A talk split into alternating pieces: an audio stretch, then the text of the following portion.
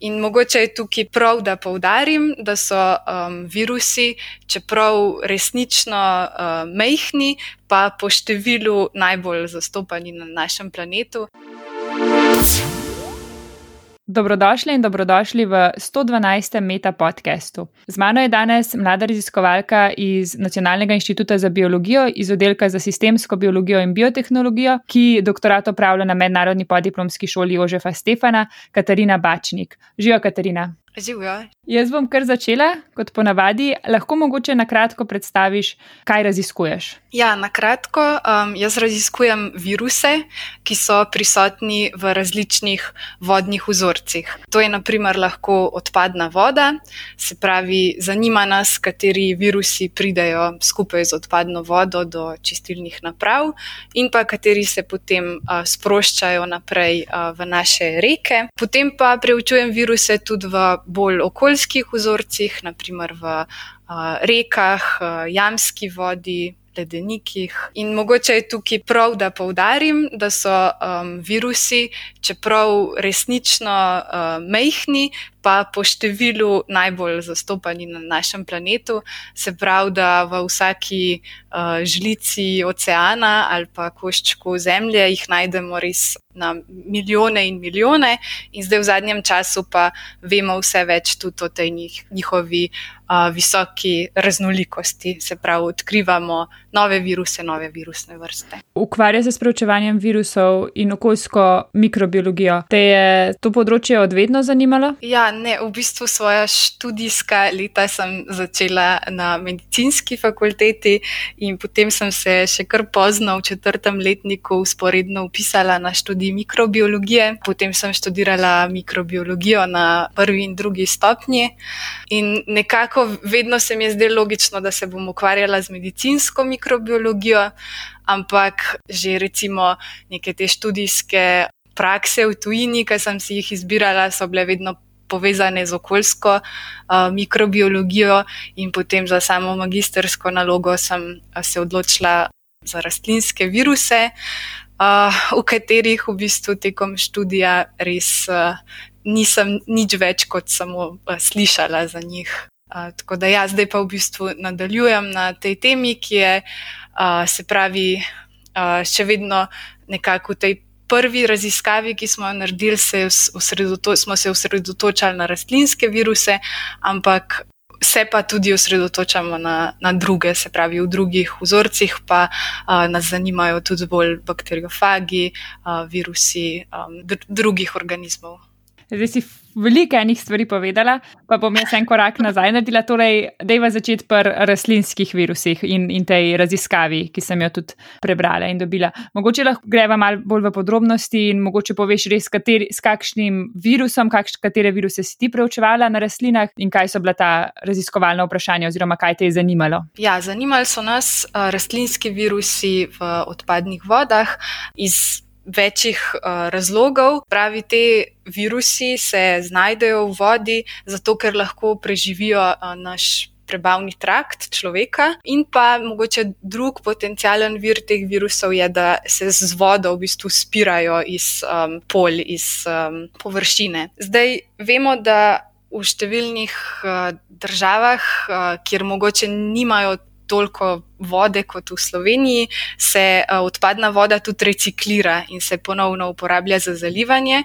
In to je tam lahko še, še posebej problem, kadar so virusi prisotni v, v vodi. No, in pač nas je zanimalo sploh, uh, ali so prisotni, kateri so in če lahko preživijo, v bistvu, če ohranijo svojo infektivnost, sposobnost, da okužijo rastline tudi po prehodu čistilne naprave. Te rastlinski virusi, torej, če mi recimo ga dobimo z nekim sklepom, da sadjem ali zelenjavo, ki jo pojemo, grejo lahko čez naše telo in še zmeraj ostanejo, ok, virusi niso neživi, ne neživi, ampak še zmeraj bi lahko ostali v neki aktivni obliki, če sem prav razumela. Ja, se pravi, Tukaj mogoče tudi lahko izpostavimo ta sistem preskrbe s hrano, ki je zelo globalen in na ta način lahko v bistvu recimo v Slovenijo dobimo tudi nek, neke viruse, ki jih skupaj s hrano uvažamo iz drugih držav. In ja, te, te virusi preživijo naš prebavni trakt in prehod čistilne naprave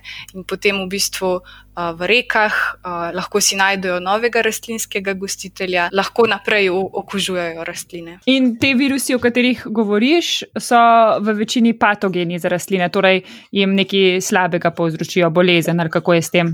Ja, v bistvu tukaj smo se prav osredotočali na. Patogene rastlinske viruse. Poleg tega, da smo zaznavali njihove nukleinske kisline, smo upravili tudi teste infektivnosti, kjer smo uporabili testne rastline in jih okuževali s to odpadno vodo, in ker so rastline dejansko dobile bolezenska znamenja, virusi so se namnoževali, smo v bistvu lahko potrdili to njihovo infektivnost, ker drugače, če samo detektiramo njihove nukleinske kisline, ne moremo uh, govoriti o neki biološki pomembnosti v teh odpadnih vodah. Mhm, torej, ko je virus infektiven, pomeni, eh, da je sposoben povzročiti bolezen, ne? je pač v neki aktivni obliki. Ja. Kako pa potem, recimo, kako, kako pa samo to raziskovanje izgleda? Greste vi po to odpadno vodo, po nek vzorec in kaj naredite potem? Prvi korak, ki je v tem primeru zelo pomemben, je koncentriranje virusov. Um, in sicer te virusi so v vodi vsem prisotni v zelo nizkih koncentracijah, um, zato jih moramo nekako skoncentrirati. V bistvu s tem si omogočimo, da lahko zaznamo več virusov, ampak to koncentriranje nam pa vedno tudi nekako uh, izkrivi to sliko. Se pravi, vedno se moramo uh, zavedati, da unesemo nek bias v to. In mi za to koncentriranje uporabljamo monolitne kolone, to so v bistvu neke kromatografske kolone, eh, skozi katere črpamo to vodo, in zdaj negativno nabiti virusi se uh, vežejo na uh, to notranjo površino kolone, in potem jih pa v bistvu eluiramo v nekem manjšem volumnu in s tem jih skoncentriramo. Torej, če to opišemo, so to kot neke take, uh, kako bi rekel, v bistvu so to neke take, ja, okrogle, valjaste strukture, skozi katero to vodo spustite, verjetno, in potem se virusi, kot si rekla, negativno nabiti, ujamejo v to. Ja, virusi se uh, vežejo na to našo kolono, um, medtem ko mi pri, prečrpavamo vodo skozi njo, uh, potem pa.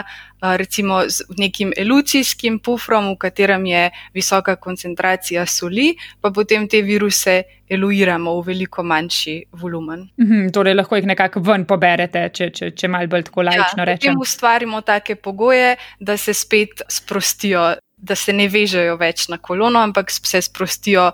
V naš uh, vzorec po koncentriranju. Okay, potem, ko imate ta vzorec, verjetno so virusi premehni, da bi jih gledali z mikroskopom.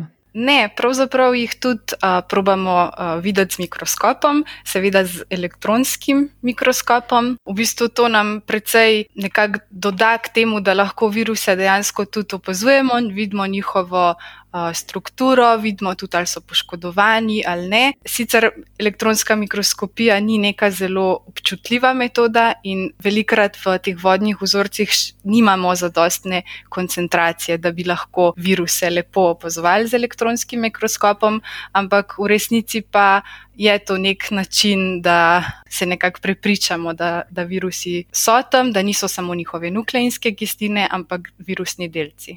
Druga, poleg tega elektronskega mikroskopa, način pa je. To, kar si omenila, zaznava njihovih nukleinskih kislin. Lahko mogoče kaj več o tej metodi poveš? Mi uh, določamo virom teh vodnih vzorcev, kar pomeni, da uporabljamo to metodo, tehnologijo sekvenciranja, s katero lahko v bistvu sekvenciramo vse nukleinske kisline prisotne v vzorcu. Se pravi, določimo zaporedja vseh DNK, RNK molekul in potem ta zaporedja primerjamo z že obstoječo bazo podatkov. In s tem um, določimo, um, tako kot sem prej omenila, virom uh, te, teh vodnih vzorcev. Mi se osredotočimo potem samo na uh, sekvence, ki pripadajo virusom. Pravzaprav pa v teh vodah vidimo tudi uh, številne bakterije, tudi druge eukarionte, ampak ja, kot sem rekla, se poskušamo omejiti na, na viruse. Uporablja si besedo virom. To pomeni, da v tej, vsem, vsakem tem vzorcu vode je verjetno več različnih virusov potem prisotnih, ni samo ena vrsta. Ja, um, v bistvu njihova raznolikost je res kar visoka vidimo različne skupine virusov, ki se potem razvrščajo v različne družine, ko določimo, kaj so njihovi gostitelji, in pa če nas specifično zanimajo, recimo, patogeni virusi, uh, lahko vidimo, kateri patogeni so prisotni in a voda. Predstavlja nek način prenosa teh virusov, lahko pa v bistvu se ukvarjamo s celotnim genomom, se pravi, ne samo s tistimi patogenimi, se pravi, povzročitelji bolezni, ampak nekako poskušamo ugotoviti tudi, kakšna je ta uh, funkcija virusov v njihovem okolju, se pravi, kako prispevajo k kroženju snovi in kako s tem vplivom na svoje gostitelje uh, v bistvu prispevajo k delovanju. Ekosistemov. Če prav razumem, virusi niso nujno samo zlobni in povzročajo bolezni, ampak so lahko tudi zelo pomembni za delovanje ekosistema. Ja, res je. Na viruse običajno uh, gledamo predvsem kot uh, na patogene, se pravi, tudi kot taki so, smo jih največ uh, raziskovali in jih najbolj poznamo. Uh, v resnici pa uh, zdaj v zadnjem času odkrivamo, da pa v okolju mogoče igrajo zelo pomembno uh, vlogo, uh, s tem, da, kot sem rekla, sodelujejo v tem. Uh, kroženju snovi in pa hkrati predstavljajo nek genetski material, ki se lahko tudi v bistvu prenaša med virusi in med njihovimi gostitelji, in to nekako vpliva na njihov razvoj, evolucijo. Ti si omenila, da večinoma ste se osredotočili na rastlinske viruse v tej tvoji raziskavi in potem, kako lahko prehajajo v neko vodo in tako naprej po, po nekem ekosistemu. Me pa zanima, ali obstajajo tudi kakšni od teh virusov rastlinskih, ki recimo prenašajo kakšne živali oziroma preskakujejo med rastlinami in živalmi? Se pravi, prenos z insekti je zelo pomemben pri rastlinskih patogenih. Lahko omenim še, da se sicer prenašajo lahko uh, semeni, lahko uh, se prenesejo preko mehanskega kontakta, um, lahko pa seveda tudi preko insektov, gliv in drugih um, nematodov. Uh, zdaj za insekte vem, da obstajata dve možnosti, se pravi, lahko insekti delujejo tako kot mehanski prenašalci, se pravi, s tem, ko grejo od okužene rastline, uh, čez mehansko prenesejo uh, virus na, na drugo rastlino. Uh, lahko pa se rastlinski virusi v nekaterih primerjih tudi namnožujejo v samih uh, celicah insektov. Ta mehanski je pol tak, da bi se recimo neki delci virusni nekako prijeli na uh, na nekega insekta, na neko žuželko, ki bi prinesla virus na drugo rastlino. Sem prav ja, razumela. Ja. To druge pa bolj tak nek aktiven način, da se celo razmnožuje na, na, na eh, žuželki tudi ja. in potem se pač prenaša. Oh, zanimivo. Um, še za en zanimiv projekt sem slišala, na katerem delaš in sicer, da se lahko ta, to sledenje virusom v vodah uporabi tudi za nek drugačen namen, torej za preverjanje, kako čiste so neke um, snovi, lahko mogoče kaj več o tem poveš, torej neke celične kulture, če sem prav razumela. Ja, res je. Se pravi, zelo podobne metode, kot jih uporabljamo za detekcijo virusov v vodah, lahko uporabimo tudi za njihovo detekcijo v drugačnih vzorcih. Naprimer, to so lahko vzorci celičnih linij, ki jih uporabljamo za proizvodnjo bioloških zdravil.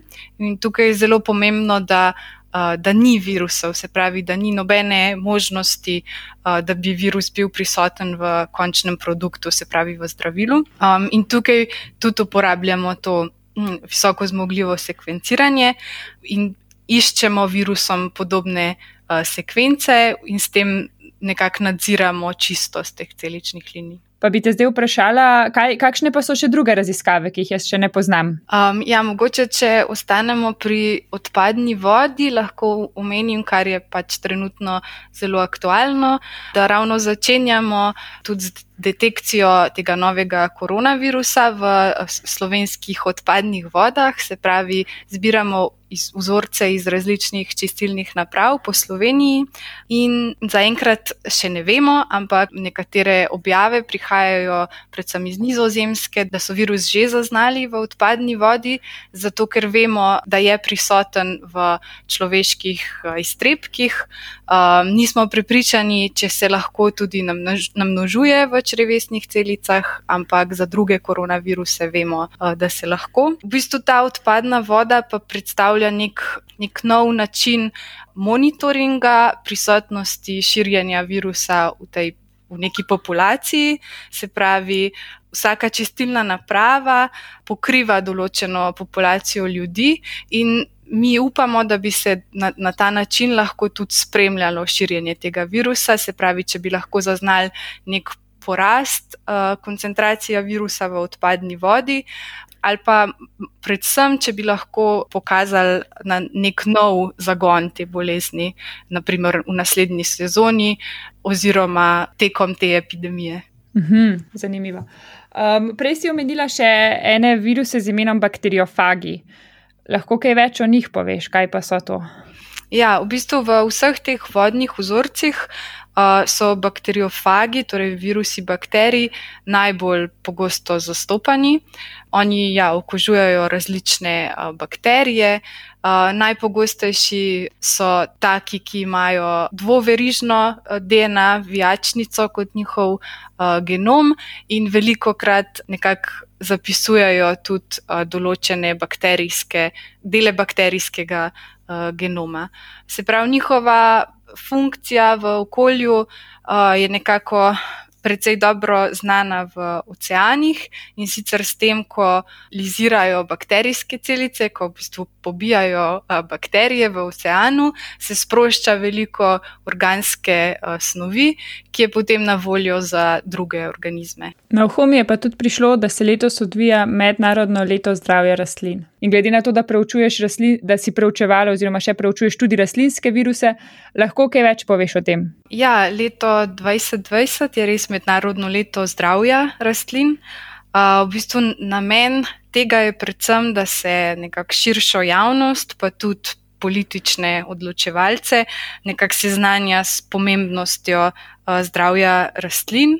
Se pravi, da je tudi um, te bolezni potrebno spremljati, predvsem preventivno, in pa treba je hitro ukrepati, kadar jih uh, zaznamo, kar seveda vključuje tudi uh, vlaganje v razvoj in raziskave iz tega področja. A je veliko, prej si omenjal čisto na začetku pogovora, je veliko patogenov, ki v bistvu pridejo zdaj, glede na to, kako je svet globaliziran, lahko tudi iz, iz daljnih krajev se prenesijo na slovenske rastline. Pa se mogoče so mogoče te rastline tudi um, različno prilagojene na te patogene, tudi do tega pride, ali kako je s tem? Se pravi, za tiste najbolj široko razširjene, naprimer rastlinske viruse, že obstajajo rastline, ki so odporne na njih. Se pravi, že za eh, pridelavo hrane uporabljamo take rastline, na katere te škodljivci ne morejo slabo vplivati. Seveda se z globalnim sistemom preskrbe s hrano, pa tudi z uvozom okrasnih rastlin, z uvozom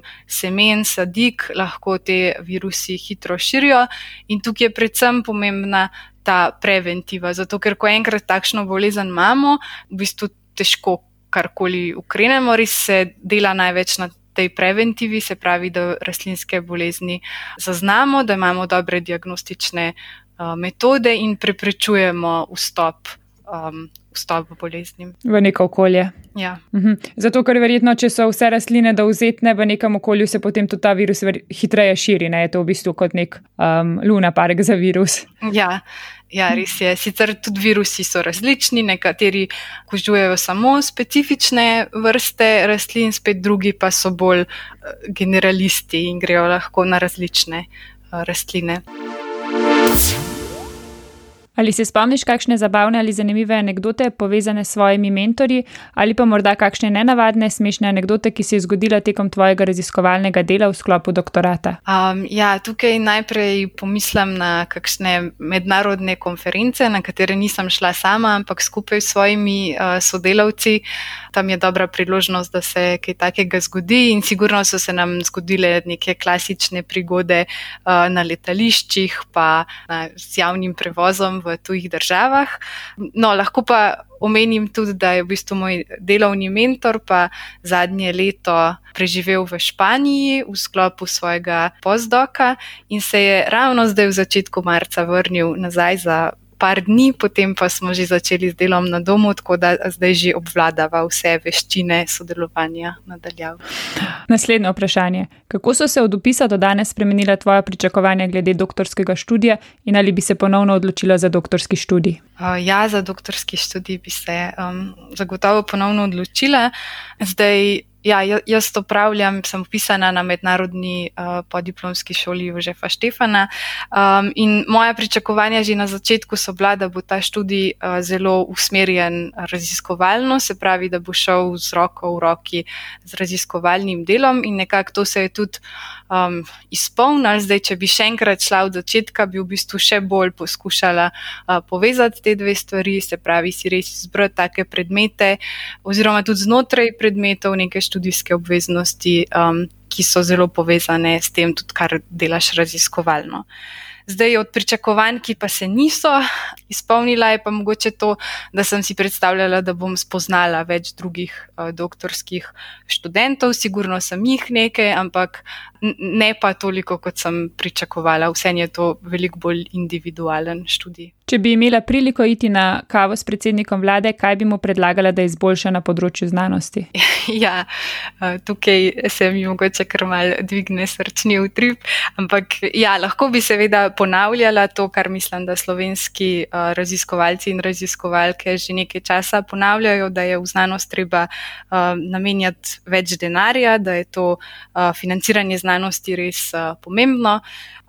Mogoče v tej situaciji z novim koronavirusom bi pa um, nekako uh, pr probala uh, povedati, da se mi zdi, da ne glede na to, kakšno strategijo bomo ubrali v naslednjih tednih, bi bilo zelo dobro testirati čim več ljudi, da bi v bistvu to testiranje nam bo pomagalo, ne glede na to, uh, kakšne ukrepe bomo sprejemali. Da bomo vedeli, kje je virus. Yeah.